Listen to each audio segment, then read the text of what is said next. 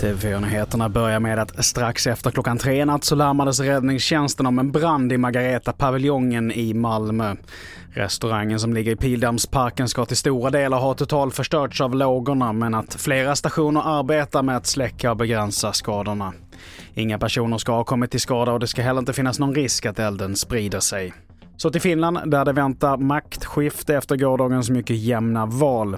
Liberal-konservativa Samlingspartiet knep Socialdemokraternas plats som största parti och får 48 mandat i riksdagen. Nationalsocialistiska Sannfinländarna gjorde sitt bästa val någonsin och behåller platsen som näst störst. Och Socialdemokraterna är numera Finlands tredje största parti.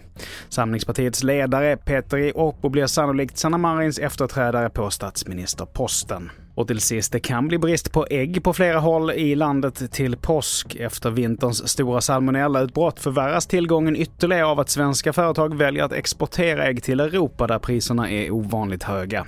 Det har varit hård konkurrens inom Sveriges gränser med hög produktion. Ska man överleva så, så måste man ju få betalt för sin produktion och då har det blivit ett sätt att, att titta utanför svenska gränser. Och i inslaget här så hörde vi Marie Löneskog Hogstadius som är verksamhetsledare på Svenska Ägg.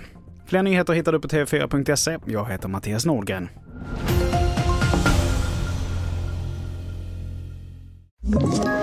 Ett poddtips från Podplay.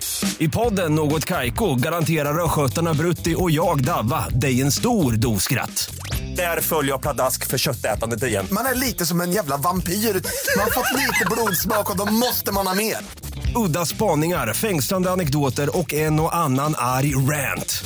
Jag måste ha mitt kaffe på morgonen för annars är jag ingen trevlig människa. Då är du ingen trevlig människa, punkt. Något Kaiko, hör du på Podplay. Därför arkadeinerna.